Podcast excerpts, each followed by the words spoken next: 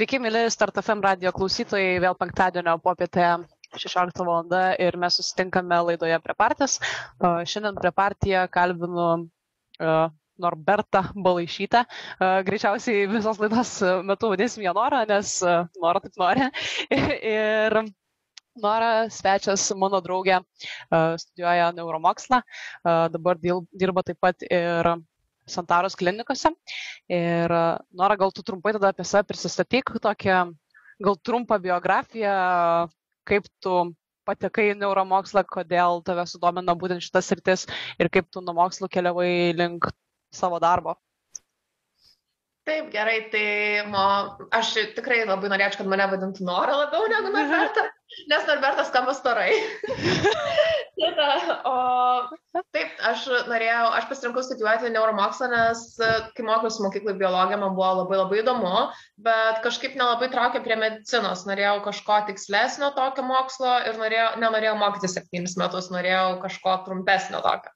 Ir tada pradėjau ieškoti studijų Anglijoje ir kadangi būtinai norėjau gyventi Londone, nenorėjau gyventi kažkokiam mažam miestelį, norėjau gyventi dėlė mieste, tai išsirinkau tą universitetą, kuriame ir studijavau, Middlesex University.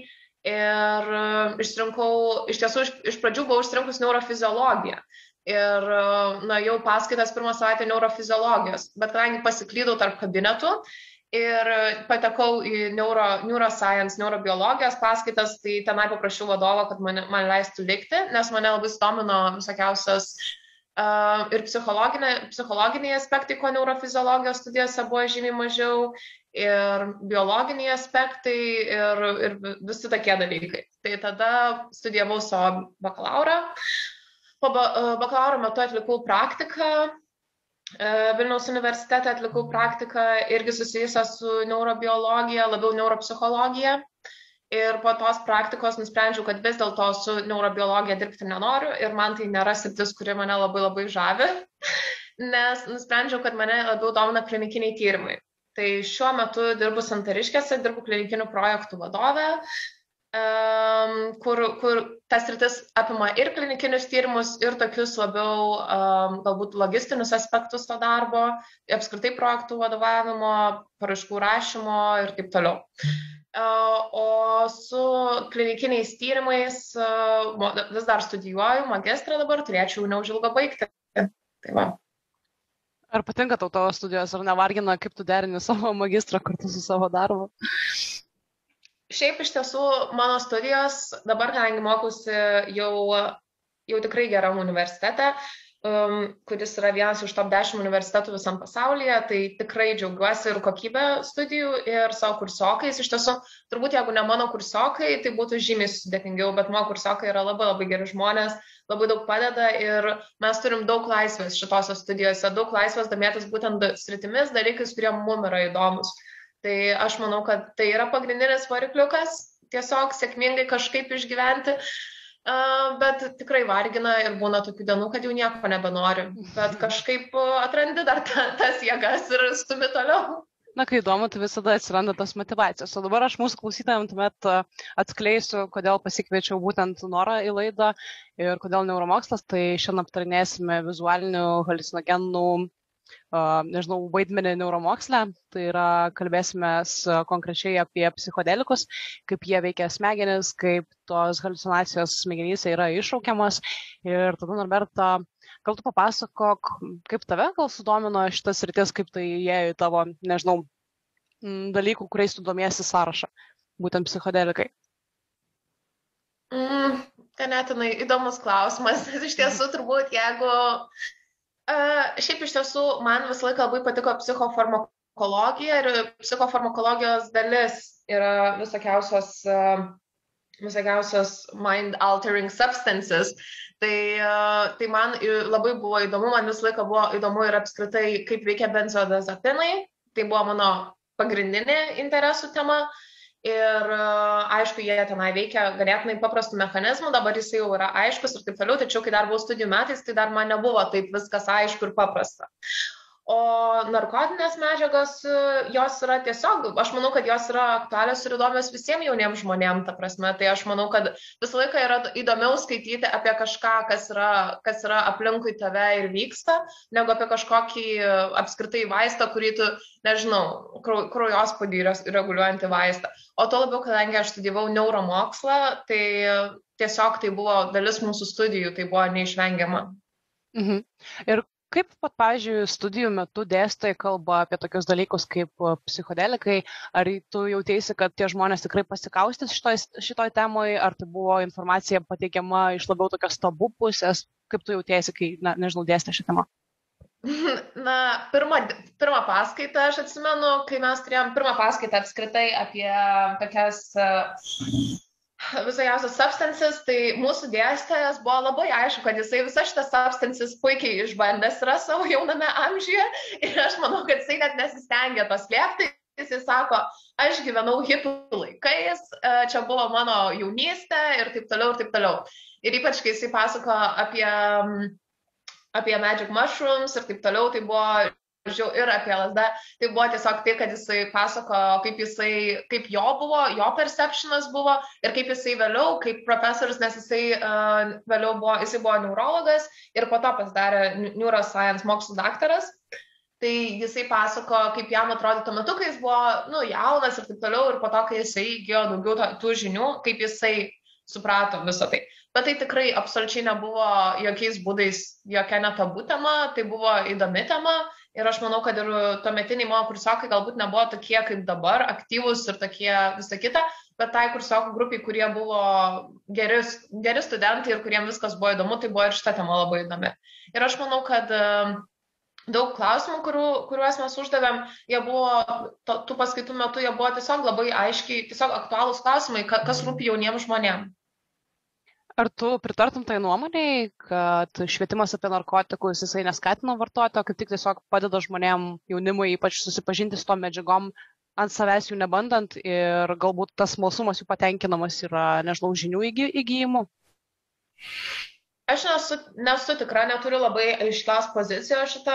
Aš manau, kad aš manau, kad apie visus dalykus gyvenime yra geriau žinoti ir, nu, susipažinti su tai, kaip vyksta. Ta prasme, aš manau, kad taip daug dalykų galėtų būti sprendžiami. Ta, lygiai taip pat ta tema su lytiniu švietimu.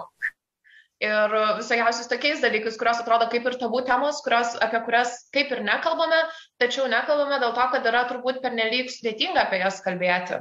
Kal, nekalbam ne dėl to, kad čia būtų lengva ir būtų lengva pasakyti taip arba ne, o nekalbam dėl to, kad turbūt yra apriepia labai daug visokiausių temų, apie kurias žmonėms tiesiog yra nepatogu kalbėtis. Plius tikriausiai, na, tie kultūriniai aspektai, ar ne, tu dabar kaip pasakoji apie savo dėstytojus iš Londono, ar ne, Anglijoje vis tiek tas požiūris į narkotinės medžiagas greičiausiai yra, na, kiek kitoks negu čia Lietuvoje, nes to pačiu ir lytiniu švietimu, ten, nežinau, Anglijoje gali užsisakyti, ten nemokamai pasidaryti tuos ne, lytinių lygų kažkokios plėtimo testus, ar ne, uh, ir tikriausiai pasikalbės tai su, apie tai su savo daktaru be jokių tabų, tai yra finansuojama ar ne. Greičiausiai tos pagalbos, na ir priklausomi žmonės gauna daugiau, ar ne? O Lietuvoje iš tai jau turim kitokį požiūrį ir greičiausiai retai išgirsime, kad nežinau, studentams dėstytojai pasakotų savo asmeninę patirtį, ypač jeigu tai yra susijęs su kažkokiam, na, nelegaliom psichoktyviosiomis medžiagomis, ar ne. Ir šiandien tuomet gal, na, šiek tiek, jeigu grįžtant prie mūsų temos, uh, halucinacijos ar ne, vizualinės halucinacijos neuromokslė, uh, galbūt tu norą galėtum pristatyti, kokius straipsnius pasirinkai mm, šiandienai mums papasakoti? Taip, aš e, labai atvirai taip šnekant, tai um, ar pažiūrėjau, ar yra laiko, yra. Žodžiu, jeigu labai atvirai, tai buvo labai sunku surasti straipsnių, kurie būtų uh, šių laikų būtų atliktas researchas. Ir man buvo labai įdomu, kodėl, nes tikrai tai nėra tema, kuri nedomintų mokslininkų. Ir aš e, priejau tokią išvadą, apsižiūrėjus ir įvertinus, kad visų pirma, tai uh, moksliniai žurnalai, kurie, tarkim, tokie kaip Nature arba Springer, um, tai jie yra tokie pripažintini žurnalai, bet jie tokių straipsnių nepublikuoja. Radau senesnį straipsnį. Radau vieną senesnį straipsnį Nature, kuris yra vienas iš labiausiai pripažįstamų žurnalų mokslinėje visuomenėje, tai radau vieną tokį straipsnį, kuris buvo ganėtinai senas, man atrodo, 80 metų, kas man pasirodė ganėtinai, taip turėtų būti senas tas researchas. Bet tai buvo labiausiai konstruktyvus straipsnis ir tai buvo labiau uh, systematic review. Tai vadinasi, kad jisai peržiūrėjo visus duomenis tuo metu esamus ir sudėjo į vieną bendrą straipsnį, dėl to tos straipsnis apie 60 puslapių yra. Uh, kitas straipsnis, kurį pasirinkau, buvo ganėtinai žymiai paprastesnis, tačiau jisai buvo um, publishintas uh, profesoriaus iš Imperial College London ir aš kažkaip 2014 metų straipsnis ir man tai pasirodė toks artimiausias šiaip šitai temai ir aš manau, kad aš jo pagrindę ir remsiuosi šiandieną kalbėdama. Ir dar vienas straipsnis, kuris galbūt jau yra mokslinis per daug ir aš pagalvojau, kad galbūt žmonėm bus per nedik painus, tačiau jeigu iškils klausimų, kokiu nors labiau jau moksliniu tokiu, iškils klausimų, tai juo pasiremsiu. Aš manau, kad taip mhm, supratau. Na tai aš greičiausiai galime pradėti ir galbūt tu nuo savo pusės norėtum, galėtum apibūdinti, kas apskritai yra tie psichodelikai, ar ne? Ir šiek tiek apskritai papasakoti galbūt apie smegenis kaip mūsų organą, ar ne? Ir dėl ko būtent pasirinkom, na, psichodelikų poveikį smegenims. Šiek tiek tokį, nežinau, nuo savo pusės, ar ne, iš tos apibrėžimus. Mm. Aš manau, kad uh, visų pirma, prieš pradedant nagrinėti šitą temą, tai yra labai svarbu suprasti vieną dalyką. Kad, kad ir kiek žmonės norėtų supaprastinti, um, taip mes dažnai norim supaprastinti informaciją taip, kad jinai būtų pateikiama plačiosiam masėm, bet dažnai tiesiog, kai tu bandai supaprastinti, truputį iškreipi realybę. Tai aš nenorėdama, kad čia taip įvyktų šituo atveju, tai aš pasistengsiu supaprastinti, bet tikrai nenoriu kategorizuoti tam tikrų dalykų, todėl kad aš manau, kad tai reikalauja didesnių, didesnių žinių toje konkrečioje srityje. Tai ir ypač kalbant apie smegenis, yra labai svarbu atsiminti, kad mes galim galbūt kalbėti dabar apie neuronus, tai yra smegenų lastelės, apie neuronus atskirai, bet reikia nepamiršti, kad neuronai veikia didelėje bendroje visumoje. Ir smegenys irgi veikia visumoje. Tai galbūt mes šiandieną pradėsime kalbėti apie, bent jau aš taip pasi, pagalvojau, kad būtų paprasčiausia žmonėms suprasti apie, um, apie neuronus ir kuo psichodelinės medžiagos, kuo jos primena serotoniną kaip, kaip, kaip veikia serotonas apskritai smegenyse. Ir tuomet uh, jau galbūt uh, pereiti prie tos temos, kaip apskritai veikia smegenų veikla tuo metu, kol, uh, kol esi under the influence narkotinių medžiagų ir tada, ir tada jau apibūdinti, jau perėti link halucinacijų pačių. Aš manau, kad tai būtų patogiausia. Gerai, tai pradedam tada nuo smegenų, ar ne, kaip po tokių? kaip po tokių. Žodžiu, smegenys, smegenys yra sudarytos iš, iš daug skirtingų struktūrų. Tos yra patogu manyti, kad vienos struktūros yra atsakingos už vienus procesus, o kitos struktūros yra už kitus. Neuronai, nervo, į, į, neuronai būna įnervuojami nervinio impulso. Ir tiesiog tos rytis savo darbuojasi. Tarkim, turime akį, akis siunčia impulsą į smegenis per neuronus, aktyvuoja vizualinį korteksą ir e, dėl to tu matai vaizdus. Būtų labai patogu, jeigu taip ir būtų. Tačiau tuos vaizdus dar reikia procesinti, inkorporuoti į atmintį ir taip toliau ir taip toliau. Uh, tai šiuo metu mes dar pakalbėsime apie neuronus, kurie būna aktyvuojami būtent, aš pasirinkau halucinogenus būtent, uh, um, kaip čia lietuviškai, Um, psi, um, tai tu sakė, gal kažkaip kartu iš, išversimų. Mm, psilobic, e, psilobicinai, man atrodo. Taip. Mhm. Tai būtent apie, apie jų veikimą. Tai jų molekulės yra visiškai tokios pačios, jos fiziškai yra identiškos serotonino molekulė. Serotonino? Mhm. Serotonino. Tai e, ką jos, ko, koks yra ypatumas šito? Tai pavyzdžiui, vaistai, tarkim, antidepresantai, kurie veikia serotonino receptorių smegenyse, tai jie blokuoja serotonino uh, reapteiką, tai uh, neurotransmiterio kiekį sina, uh, sinaptinėme plyšyje.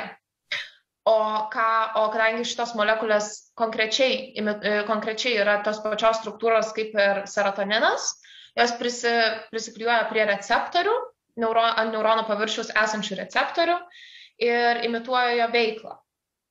Tai dabar galvoju, kaip čia labiau privedus tai, kad yra e, skirtingi, skirtingi keliai smegenyse. Yra dopaminerginiai keliai, yra serotoninerginiai keliai, yra noradrenalininiai keliai ir taip toliau. Tai skirtingi, skirtingi pathways, skirtingi keliai yra atsakingi už skirtingus veiksmus. Jie gali būti inhibitiniai, tie, kurie uh, sustabdo uh, procesus, tai yra raminantis, galėtų būti lėtinantis, arba gali būti um, excitatory, uh, sužadinantis keliai. Mhm. Ir būtent, uh, būtent šitie serotonino keliai, atrodo, kad jie yra šiaip apskritai smegenyse, jie yra uh, sužadinantys, jie žadina ir jie uh, veikia mūsų mąstyseną, jie veikia mūsų, taip kaip mes logiškai galime sudėlioti sakymus, taip kaip mes galvome apie praeitį, nu, tokius labiau kompleks uh, iš tiesų uh, veiksnius, taip kaip mes galvojam apie savo savastį, kaip mes galvojam, kaip mes save matome dabar ir seniau, pavyzdžiui tokius labiau sudėtingesnius procesus jie yra atsakingi. Pavyzdžiui, tarkim, GABA, e, GABA e, neurotransmiteriai yra tiesiog atsakingi už inhibitinimą tų visų funkcijų. O serotoniniai, jie yra, galvojame, kad jie yra suž, būtent sužadinantis. Tai ką iš tiesų, um, uh, bet atlikus researchus, atlikus visus researchus, iš pradžių buvo atliekama, aišku, su gyvūnais, su pelytėmis, o tada 60-aisiais, kai dar nebuvo visų tų reguliavimų, buvo atlikta ir su žmonėmis. Žodžiu, ir jam buvo, um, jam buvo admi, um, administrated, um, buvo, uh, nežinau, kokiu iš tiesų, neįsigilinau, kokiu ar um, ar or, oraliniu būdu, ar injekciniu būdu, žodžiu, buvo uh, tie serotonino, serotonino molekulės administruojant, bet uh, iš tiesų pastebėjau, kad, iš, kad atlikus fMRI, nežinau, ar fMRI reikėtų paaiškinti, kas čia yra. Reikėtų.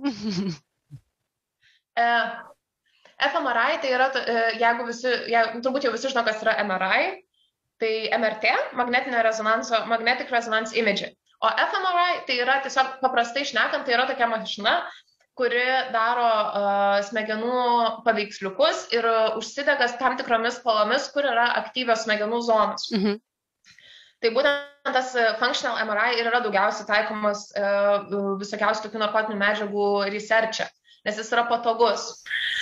Ir aišku, čia jau yra kita tema, gal svarstant, kiek efektyvu yra fMRI tyrimai atliekami, kiek jie yra efektyvūs ir taip toliau, nes kiek iš mano studijų yra žinoma, tai šiais laikais stengiamasi nesiremti uh, researchą jau fMRI atliekamomis studijomis, uh, jau tai ganėtinai atgyvenęs metodas, tikrai neparodo visko, parodo tiesiog, kur oksi, oksigen daugiau suvartoja smegenis, ten ir užsidega tam tikra spalva. Mhm. Tai žodžiu, tai vadinasi vyksta didesnė aktyvitė. Tai žodžiu, kai jie atliko tas fMRI studijas, jie pamatė, kad uh, iš tiesų smegenų veikla nesuaktyvėja, kaip tikėjosi, kad suaktyvės, o jinai sulėtėja.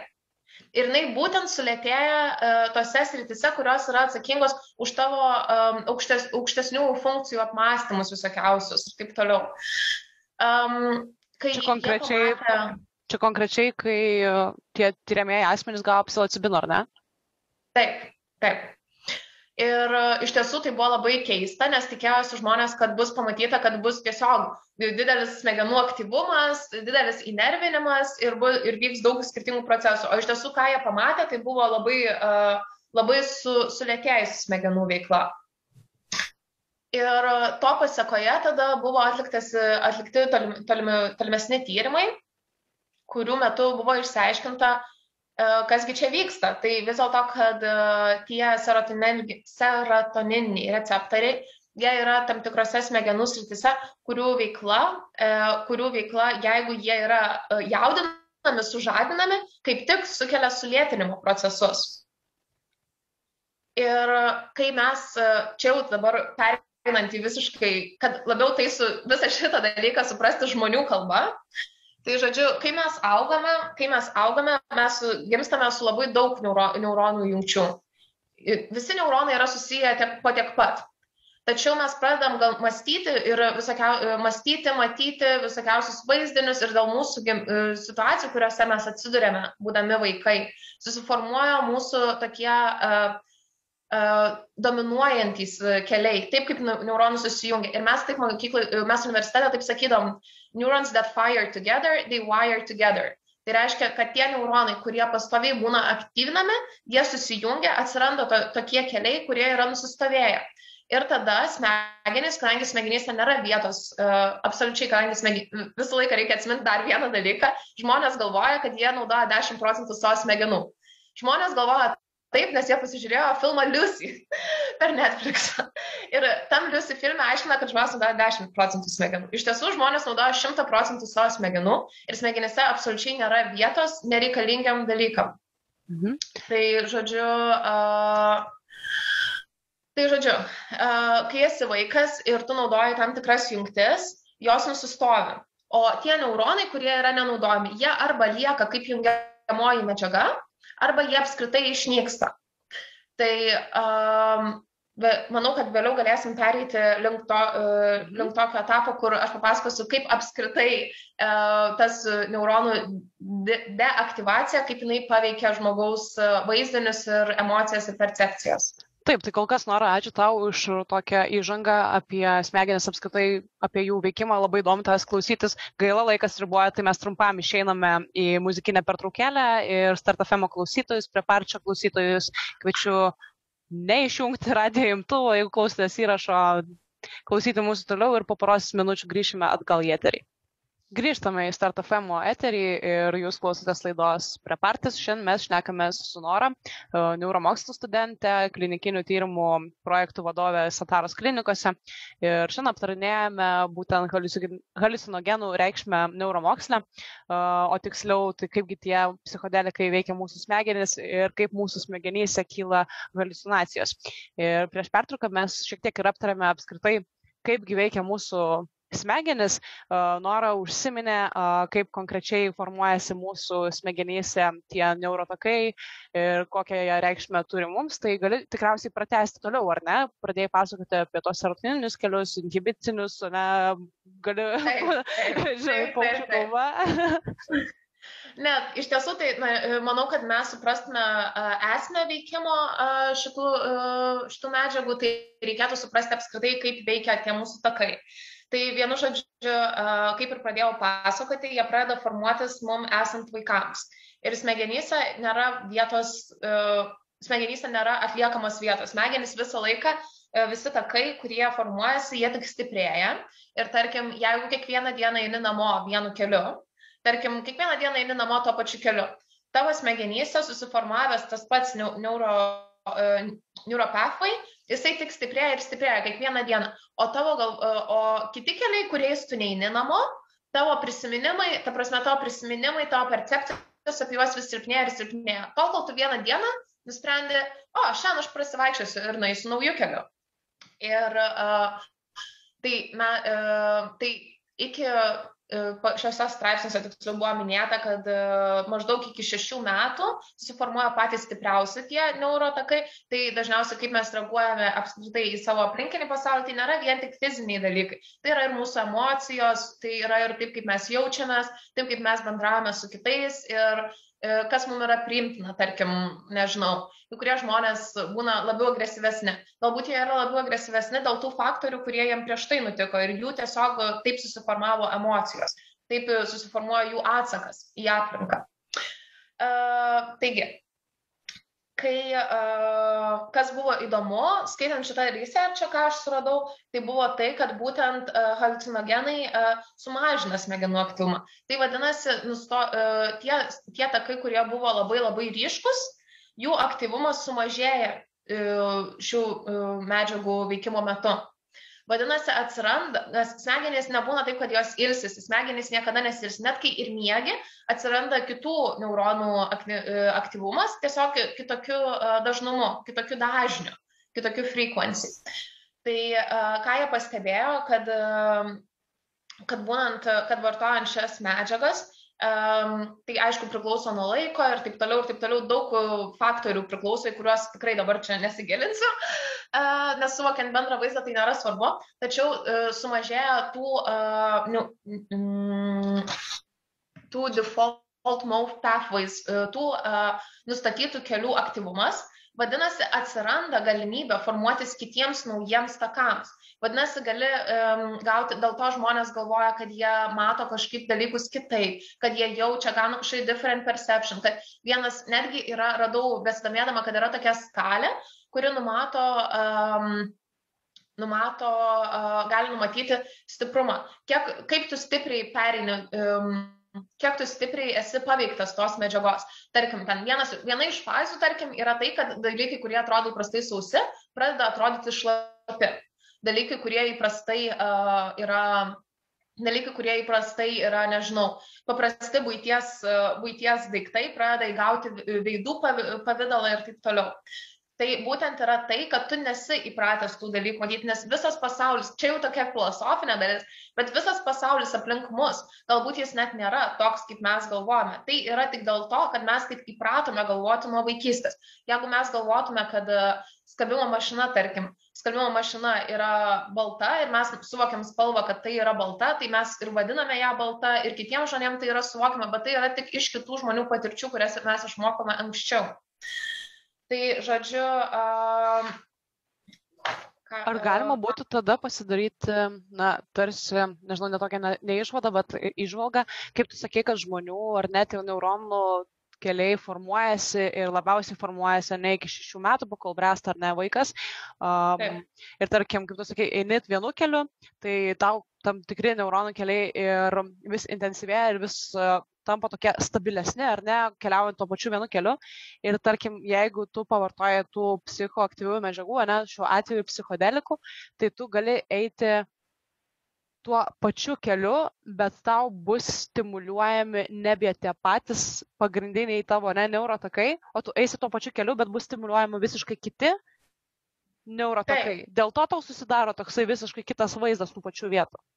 Taip, todėl kad tuo metu tie neuronai, kurie buvo prieš tai susijungę ir stipriai, stipriai susijungę, jie šiuo metu jie būna nebe tokie aktyvūs. Atsiranda, atsiranda alternatyvių neuronų kelių. Alternatyviai neuronai gali dėliotis ir matytis. Ir e, jų, pavyzdžiui, kaip, kaip ir šnekėjau prieš tai, kad būtent per fMRI pastebėjo, kad overall, nu, overall um, smegenų activity jinai sumažėja. Bet kodėl? Todėl, kad jinai, uh, tiksliau, overall nesumažėja. Jinai tiesiog pasidaro labiau uh, platesnė. Platesnė, taip, labiau, labiau veikia visus bendrai smegenų centrus. O būtent tie smegenų centrai, kurie yra kaip, nes yra tam, tikri, e, yra tam tikros smegenų dalis, kur, tarkim, jeigu tu įsivaizduotum, kad yra miestas yra miesto meras, tarkim, miesto meras, yra daug miestų. Tai tam tikros smegenų dalis, kurios būtų tarsi tie miesto merai, jos pasidaro nebeaktyvios. Ir atsiranda galimybė būti aktyviom tom smegenų dalim, kurios yra tarsi būtų mieste, tarkim, būtų paprasti piliečiai. Mhm. Tai tie psichodelikai tarsi nuverčia vieną valdžią ar ne ir įveda savo sistemą ir dėl to viskas šiek tiek kitaip ir persidada mums patiems kaip žmonėm, ar ne? Taip, taip, tada atsiranda galimybė kitiems smegenų centram būti sujungti. Ir dar kitas dalykas, kad atsiranda, nes ne tik, kad pačiam tam smegenų, ne, ne tik, kad tam pačiam mieste vyksta ta permaina, bet vyksta permaina ir tarp skirtingų miestų, tarp skirtingų centrų. Atsiranda nauji ryšiai. Tai kas labai įdomu, kad kai irgi domėjausi šitą dalim, tai kad žinom, kad yra kairys ir dešinys smegenų pusrutuliai, jie yra sujungti, bet būtent, vat, būtent halucinogenų, e, būtent efekto būsinus halucinogenais, tai tuo metu, tuo metu šie centrai, dešinys ir kairys, labiau susijungia ir daugiau bendradarbiauja kartu.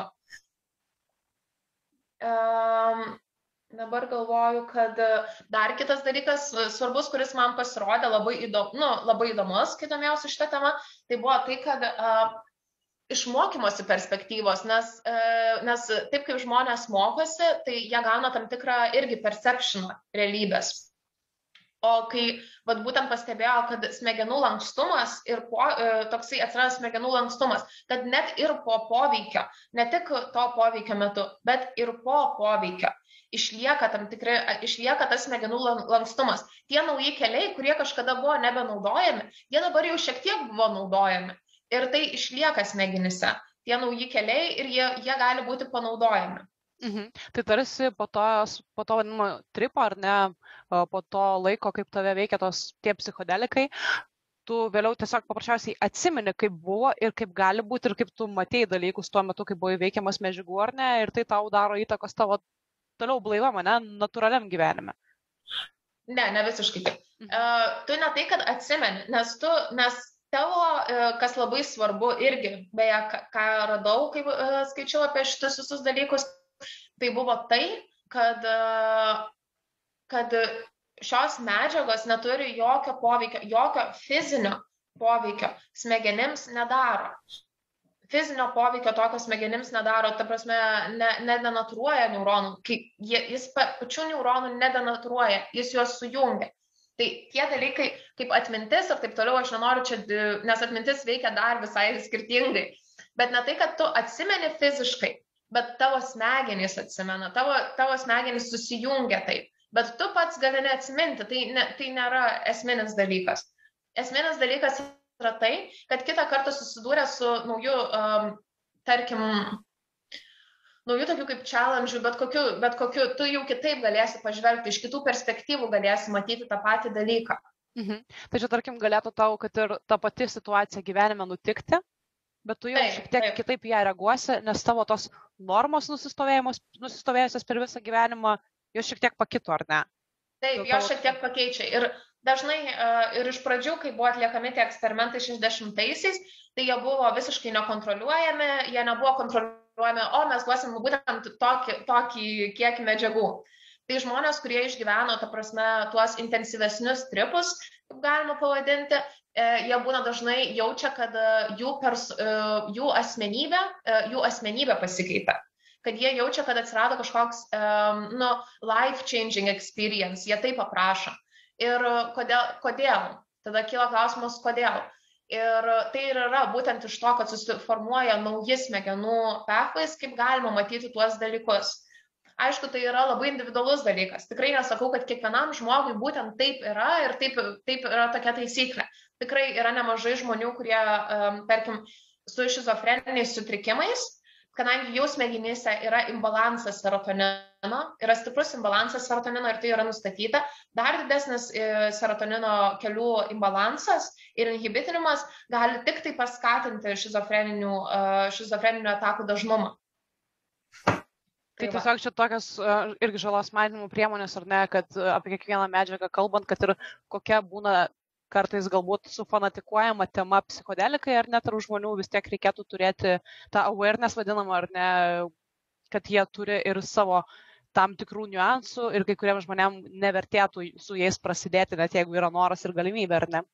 Ir taip pat, kai papasakai apie tos psichodelikus, pasakai, kad žmonėm dažnai tai būna tarsi na, gyvenimo nuotykis reikšmingas labai gyvenime, ar ne, mes šiaip sulaukėme irgi žmonių tokių na, kaip e, žalos mažinimo organizacija atsiliepimų, jie irgi taip pat atsiliepia apie psichodelikus, e, toli ieškoti nereikia. E, tai ar galima tai būtų sakyti, na, tasme, kad jie būtent taip įsivaizduoja ir priema šitą savo potyrį ar ne su psichodelikais, vien dėl to, kad, na, tuos neurono kelius pakeisti smegenyse ar ne natūraliam gyvenime be psichoaktyviųjų medžiagų, mums reikėtų įdėti daug daugiau darbo, ar ne, ten, nežinau, kiekvieną dieną, kaip tu sakai, į mokyklą į darbą keliauti vis kitais keliais, ar ne, ten, nežinau, dantis pradėti valytis ryte ne su įprastai, tarkim, dešinė ranka, o su kairė ranka, ar ne, mums reikėtų labai daug dalykų keisti, kad tai ilgalaikį perspektyvoje, ar ne, pasidarytų kažkoksai nežinau, gyvenimo pokytis. O va, ta kelionė, ne, tas veikimas psichoktyviausiam medžiagom, jisai galbūt tiesiog sutrumpina visą tą pokytį. Iš tiesų, tai yra labai skirtingi dalykai. Ta ėjimą į mokyklą aš panaudojau tiesiog kaip paprastą pavyzdį, nes tai yra toksai fizinis, fizinis paprastas dalykas. Mhm. Ir ta, ta kelionė, ta prasme, tas tripas, jisai tikrai ne, nepakeis tokių dalykų. Tai yra visiškai, visiškai kitaip. Aš manau, labiau sugretinčiau ir dar būtų labai įdomu panagrinėti, aišku, apie tai, kokia yra, nes seniau buvo taikomi tokie metodai kaip psichoterapija su psichodeliniais vaistais, nes tai padeda, nes psichoterapijos pagrindinis tikslas ir yra su, sukurti tokias naujas jungtis Tai yra pagrindinis psichoterapijos tikslas. Ir psichoterapija, kuri tai paspartina psichoterapijos procesą, mhm. tokie dalykai. Bet aišku, aš nesu tos ryties specialistė, tai tikrai negaliu labai daug išsiplėsti į tą pusę. Bet aš manau, kad tas sutrumpinimas kelio, jisai yra, jisai galbūt yra galimas, ir tačiau kaip ir dar skaičiau, kad reikėtų, tokia, reikėtų iš tos pusės pasižiūrėti tokias medžiagas ne kaip į kažkokias uh, pasilinksminimo medžiagas, ne taip kaip kažkas, bet su tam tikru, su tam tikru atsakingumu ir žinojimu, kada ir kaip, kodėl tu, nori, kodėl tu nori pabandyti vartoti tas medžiagas. Ir kai jau žinai, kaip jos paveikia tavo smegenis, aš manau, kad tai yra naudinga.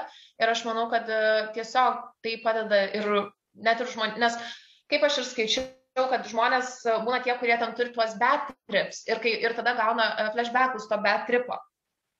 Ir e, kodėl būtent jiem yra tokie va, tas bad trip, o kodėl kitiems žmonėms good trip. Tai labai yra visuose, vis, visuose absoliučiai, kur, kur tiek, kiek skaičiau, visur radau, kad tai yra grinai nusiteikimo reikalas. Tai yra grinai nusiteikimo ir tai yra kokioje tu aplinkoje esi, kokioje savo gyvenimo fazėje esi, ar tu esi tinkamoje aplinkoje ir, ir visa kita. Mhm. Labai svarbu, kad paminėjai šitos aspektus.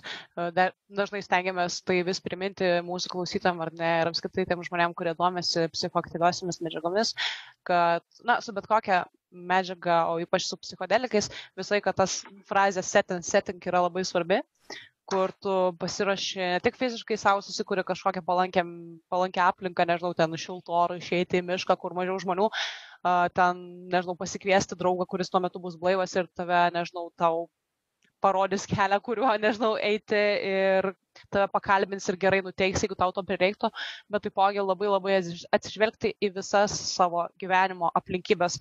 Nuoširdžiai galbūt prieš tai susėsti su, tavi, su savim, paklausti savęs, ne kaip tu tuo metu jautiesi, ar tu jautiesi psichologiškai stabiliai, ar esi pasirengęs tokiam potyriui ar ne, greičiausiai jeigu būsi geresnės nuotaikos, tai ir tavo tas vadinamas tripas ar ne, visos išvalgos ta linkme ir judės, ar ne, kad tu apie viską pozityviau mąstysi, bet jeigu tu turi kažkokių užsteptų nuoskaudų, jos gali išlysti ir tu tiesiog jas apžvelgsi tripo metu šiek tiek gal iš kitokios pusės, negu tau jinai būtų priimtina, ar ne jokių būdų na, nesakom, kad tas bad trip yra visiškai nepageidaujama patirtis, tačiau, na, jinai būna intensyvesnė, nes su kuria galbūt sudėtingiau yra susitvarkyti. Ir net ir tas bad tripas gali būti geras tripas ir tai gali būti gera patirtis, tiesiog reikia, na, suvokti, ar tu to nori ar ne, ir ar esi tokiam dalykui pasiruošęs, nes tai tiesiog ilgalaikių pasiekmių gal gali turėti, ne? Tai jeigu, tarkim, iš psichoterapinės pusės psichodelikai gali būti naudojami, buvo naudojami ir bus dar naudojami tam, kad žmonės ir ten gydytųsi savo psichologinės lygas ir ne pasveiktų nuo depresijos, tai, tai tokia būtų pageidaujama, ne, to viso išvada, ar ne, bet taip pat galima, galima suprasti, kad ant tų psichodelikų, ar ne, kai yra ta blogoji patirtis, tu iškapstai kažkokias savo, nežinau, vidinius konfliktus, nelaimės, tu vėliau gali nelabai suprasti, nu, normaliam gyvenime, blaivam gyvenime, kaip tau toliau tvarkyti su tom visom, ne, emocijom. Tai, va, Taip, tuomet... nes yra priežastis, yra priežastis, kodėl smegenys, kodėl smegenys padaro, kad tu pamirštum tam tikrus dalykus, nes mes dalykų nepamirštame šiaip savo, mes dalykus pamirštame dėl to, kad taip yra saugiau smegenims pamiršti. Tai ir lygiai taip pat su tais e, vadinamais flashbackais. Jie atsitinka dėl to, kad būtent to tripo metu naujos, kaip ir šnekėjau apie tą metaforą apie miestus, atsiranda nauji susijungimai tarp miestų. Ir tu turi tos naujus susijungimus, ir tu, vis, ir tu e, ypač vizu, e, visual cortex, vizualinis, e, vizualinė smegenų žievė yra susijusi su tam tikromis e, smegenų struktūromis, tiek su atminties struktūromis ir taip toliau. E, tai atsiradus šitom naujom jungtim, yra žymiai lengviau vis matyti tos vaizdinius, tačiau tai nepadaro tau psichologiškai, kad būtų lengviau. Tau psichologiškai nuo to nepasidaro lengviau. Tu tiesiog turi žinoti, ar tu esi pasiruošęs su tomis pasiekmėmis e, toliau dorotis ir, ir taip toliau, ir taip toliau. Aišku, visuose tose researchuose, kiek aš skaičiau, neradau nei vieno tokio atvejo paciento aprašymo, uh, kuris būtų um, irrevel, irreversible, toks nepakeičiamas, kad vis viena visose tose atvejuose, kur aprašo, kad ir pacientai patyrė ten tas, tuos bad trips ir patyrė tos flashbackus, po kažkiek laiko jie dingo. tie, tie veiksniai. Ir um, dar buvo įdomus dalykas, kurį paskaičiau, kad dažniausiai um, tos uh, nesvarbu, stipri, koks stiprus tas tripas bebūtų, nebekartojant to tripo, um, tie mąstymo pasikeitimai smegenyse dar būna gyvi apie 6-12 mėnesių. Tai tuo 6-12 mėnesių tai jau yra um, to žmogaus up to that person, ta prasme, to, žmogaus atsakomybėje, ar jisai pasinaudos tais naujai sukurtais keliais, ar tiesiog paliks juos taip būti. Mhm. Čia kaip ir su daugeliu dalykų, daugeliu kontekstų mūsų gyvenime, ar ne? Tai taip pat ir su... Taip, taip.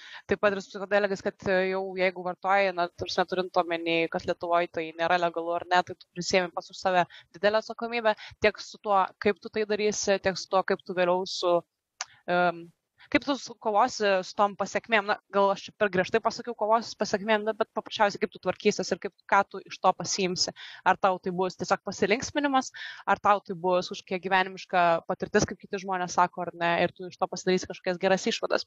Na ir kalbant apie geras išvadas, aš noriu priminti, kad klausome, klausotės radijos Start FM laidos prie partijas ir ją veda jaunos bangos uh, savanoriai, uh, to šiuo atveju aš laima. Ir jeigu norite daugiau išgirsti įvairių žinių apie psichoaktyvesias medžiagas ir jų žalos mažinimą, mes kviečiame paremti mus Patreonė.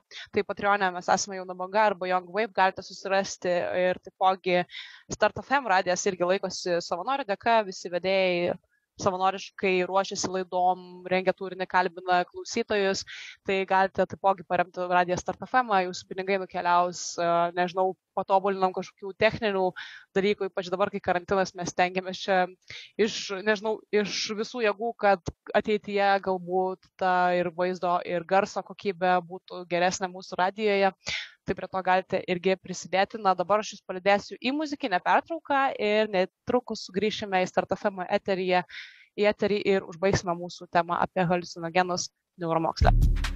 Grįžtame į StartFM radio studiją ir dabar eteryje laida prie partijos aš kalbinu Norbertą Balaišytę, Santaro klinikų klinikinių tyrimų vadovę, projektų vadovę ir neuromokslų studentę, dabar studijuojančią magistro jau laipsnį greitai gysinčią.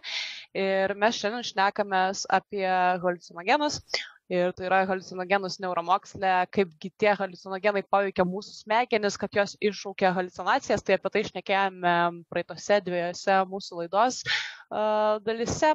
Ir po truputį galime perėti greičiausiai prie šiek tiek kitos temos, bet vis tiek susijusios. Um, halucinacijos ar ne galbūt kažkokiam kontekste galėtų būti prilyginamos ir mūsų sapnams, ar ne? Tai ar psichodelikų veikimas smegenyse galėtų būti kažkaip sulyginamas ir su mūsų procesais vykstančiais smegenyse mūsų miego metu.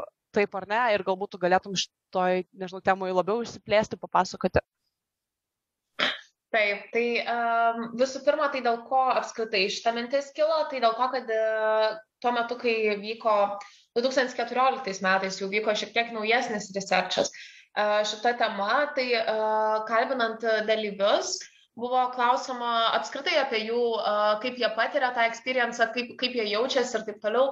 Ir jie dažnai minėjo, kad kad jie pajuto e, dreamlike experiences, nu, patirtis panašias į, panašias į sapną.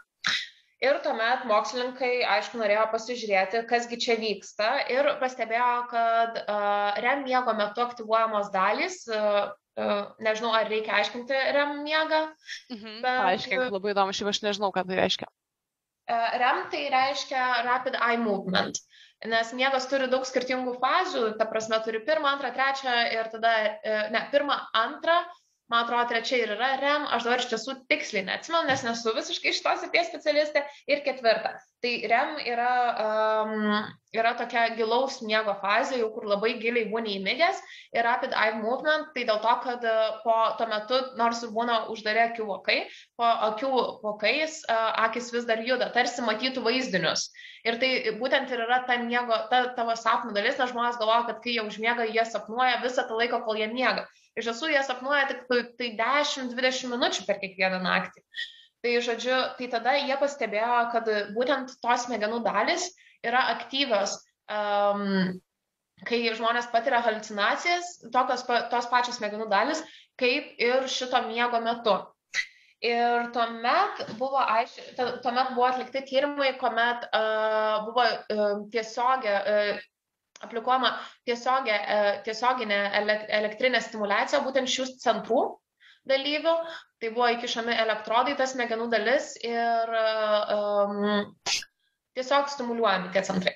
Ir tie žmonės, kurių centrai buvo stimuliuojami, jie irgi patyrė halucinacijas, jie patyrė tam tikras halucinacijas ir priklausomai nuo, um, nuo to, kaip, kokiu dažniu leido būtent tą elektrinę įtampą, būtent nuo to priklausė stiprumas tų halucinacijų. Tai va, Tai uh, kitas dalykas, dėl ko atsiranda, uh, kadangi smegenys yra visiškai atskira dalis, kuri yra atsakinga būtent už, sme, uh, už um, žmogaus veidų atpažinimą. Ir būtent taip, kaip mes atpažįstame veidus. Būtent tai, ar mes sprendžiame, ar mums tas veidas yra simpatiškas ar nesimpatiškas, ar ir taip toliau, kaip, kur mes atpažįstame emocijas. Tai ši smegenų dalis taip pat buvo suaktyvuota tų halucinacijų metu ir buvo klausoma žmonių, kad buvo apklausta, apklausta didžioji, dal, didžioji dalis žmonių apklaustų, kaip tik pasakė, kad jie mato dažniausiai melting images, būtent tokius besilydančius įvaizdžius. Ir tai buvo irgi įdomu, kad būtent kodėl, bet tas, tačiau dar researchas nesusi, ne, neaišku yra būtent kodėl to, toksai, nes galėtų būti daug skirtingų įvairių mm, halucinacijų, tačiau būtent šitokios yra labai populiarios. Tai, um, tai irgi įdomu. Tai čia yra būtent nuo 2014 metų atliekama šitą mm. research. Um, Kitas dalykas, kas būtų įdomu patirnėti, kaip, kaip, kaip veiktų smegenys REM miego metu ir tuo pačiu metu uh, su aktyviosiamis medžiagomis, su kaip būtent tuo apslabicinu. Mhm. Būtų įdomu patirnėti, bent jau tai numato, bet daugiau aš neradau to paties autoriaus tolimesnių research, netradau. Mhm. Tai Supratau. Įdomu, kaip, kaip ten jam baigėsi. jo, bet dabar jau šiek tiek um, aktyviau darosi šiais laikais, o ne tos studijos su psichodelikais konkrečiai, vėl tarsi atgal grįžta į madą, ar ne, nors niekada tarsi ir nebuvo išėję, bet dabar sugrįžta ir galbūt daugiau ir platesni tie tyrimai yra daromi. Ir tu, na, tu minėjai prieš porą savaičių, ne, mes ir tarpusavį su tavim šnekėjomės ir tu pametei tokią mintį, kad tarsi na, čia jau aišku kita tema, bet vis tiek labai įdomi, na, mikrodauzinimas, ne, ir to mikrodauzinimo poveikis smegenims, jis aišku nėra toksai intensyvus, kaip, tarkim, įmant visą dozę, vadinamos, nežinau, vadinamų psichodelikų, ar ne, kad ir kokie jie bebūtų. Uh, tai yra mikrodauzingas, kai tu tai ėmė, nežinau, ten dešimt sykių sumažinęs ar ne tą pradinę, tarkime, LSD dozę, ar ne, ir kas kažkiek dienų vis pavartojant ir tai dar kažkokius, na, žinai, um, pokyčius tavo gyvenime, ar ne, e, tavo smegenyse uh, po lėto, bet um, daugelis žmonių ten sako, kad jiems tai, nežinau, sukelia daugiau produktivumo ir taip toliau. Ir kiek tai yra susiję su placebo? Tarusme, kiek tai priklauso, ar, ar priklauso apskritai nuo žmogaus nusiteikimo, kad tas mikrodozinimas žmogui padės ar nepadės ir kaip tai yra tarpusavį susiję? Um, tiek, tiek, kiek aš pati pasiskaičiau ir pasidomėjau, mhm. tai buvo visiškai aiškiai apibriešta, kad tai buvo grinas placebo efektas ir tai buvo, nu, tai taip kaip žmogus nusiteikia, taip žmogui ir būna. Taip yra lygiai taip pat kaip ir, nežinau, tarkim, jeigu tu paimtum ibuprofeno ir ibuprofeno pasidalintum į 10 dalių ir kiekvieną dieną naudotum ibuprofeną po 10, 10 dalių mažiau, ar tau tiesiog nustotų vis laik skaudėti galvą, tiesiog niekada nebeskaudėtų galvos. Mhm. tai čia yra toks pats dalykas. Tačiau iš kitos pusės, ką reikia paminėti, kad taip veikia daug vaistų. Tarkim, visi šitie žolelių vaistai, visi šitie trinktūros ir taip toliau ir taip toliau. Tai jau senai yra e, medicinos rytis, kuri yra taip ir pavadinta, dabar tiksliai prisimenu. Um, Homeopatinė. Homeopatiniai, taip, homeopatiniai vaistai. Tai net homeopatai patys sako, kad nu, jų vaistai yra paremti tuo, kad pasidarai mažą dalį ir tą mažą dalį naudoji. Nu, ir homeopatiniai vaistai ir irgi veikia tuo placebo principu. Bet tada didesnis klausimas iškyla apskritai tada, Tai jeigu tau padeda, jeigu tau padeda tas dalykas, ar yra skirtumas, ar yra tada skirtumas, nes visa esmė to vaisto yra tai, kad tau padėtų. Tai jeigu tau padeda ir jeigu tu nuoširdžiai tiki, nes tose researchuose, kuriuos, kuriuos aš skaičiau, buvo pacientų grupės ir jos buvo suskirstytos į, tiksliau ne pacientų, o participants, tai uh, dalyvių grupės, kurios buvo suskirstytos į tuos, kurie tikėjo, tuos, kurie netikėjo, tuos, kurie ten skaitėsi forumuose ir ten visokiausiose forumuose, aišku, daug visokiausių tenai būna prašymų ir taip toliau. Ir, žodžiu, tai ir buvo labai aiškiai parodyta, kad tos grupės, kurios tikėjo, tos, kurios skaitėsi tos forumus, kurie dar, dar labai svarbu, kad jie tarpusavį bendravo, tai skatina ten tokius bendrystės ryšius ir tada vienas sako, aš jaučiu labai didelį poveikį, kitas sako, aš irgi jaučiu labai didelį poveikį. Tai, žodžiu, bendras toks vaizdas, bent jau iš mano pusės, tiek, kiek aš perskaičiu ir susipažinau, toksai susidarė. Mhm. Supratau. Tai čia jau iš tokių naujausių tyrimų, ar ne, kad konkrečiai su to mikrodauzinimu viskas yra su to gerai, tiek, kiek tu tuo tikėsi, ar ne, tiek, kiek tu nusiteiksi, taip, taip. tiek, kiek tu įdėsi tai savo, nežinau, širdies ir to tikėjimo, ar ne, kad tai tau padės, kad tai tapsi produktyvesnis, kad tau ten diena bus geresnė, ar ne. Ir tiesiog galbūt palinkėčiau kiekvienam išmokti natūraliai, galbūt taip nusiteikti ar ne, kad tai nebūtų tiesiog kas trečia diena mikrodauzinimo ir tik kas trečia diena, kuri man bus tipo gerai šitam gyvenime ar ne, bet kad na, kad ir natūraliai nusteikt, kad kas trečia diena bus man gerai ir galbūt tai išsivystys jau į visą ilgą savaitę, ar ne? Tai nežinau, galbūt šitą tokią frazę mes ir baigsim mūsų šiandienos preparčio laidą apie halucinogenus neuromokslę. Ačiū tau labai, Nora, kad sutikai sudalyvauti laidoje. Dėkui, dėkui. Nežinau, gal turi kokį paskutinį palinkėjimą mūsų klausytojams? Man, manau, kad tiesiog viską reikia įvertinti kritiškai. Labai, šiaip, labai gerai. Visiems žmonėms yra įvertinti viską kritiškai. Gerai, man labai patinka Nora, ties čia mes ir užbaigsim ir toliau kviečiu pasilikti mūsų klausytojus su radiju Start FM. Jūs klausytės laidos prie partijas ir iki sekančios iki.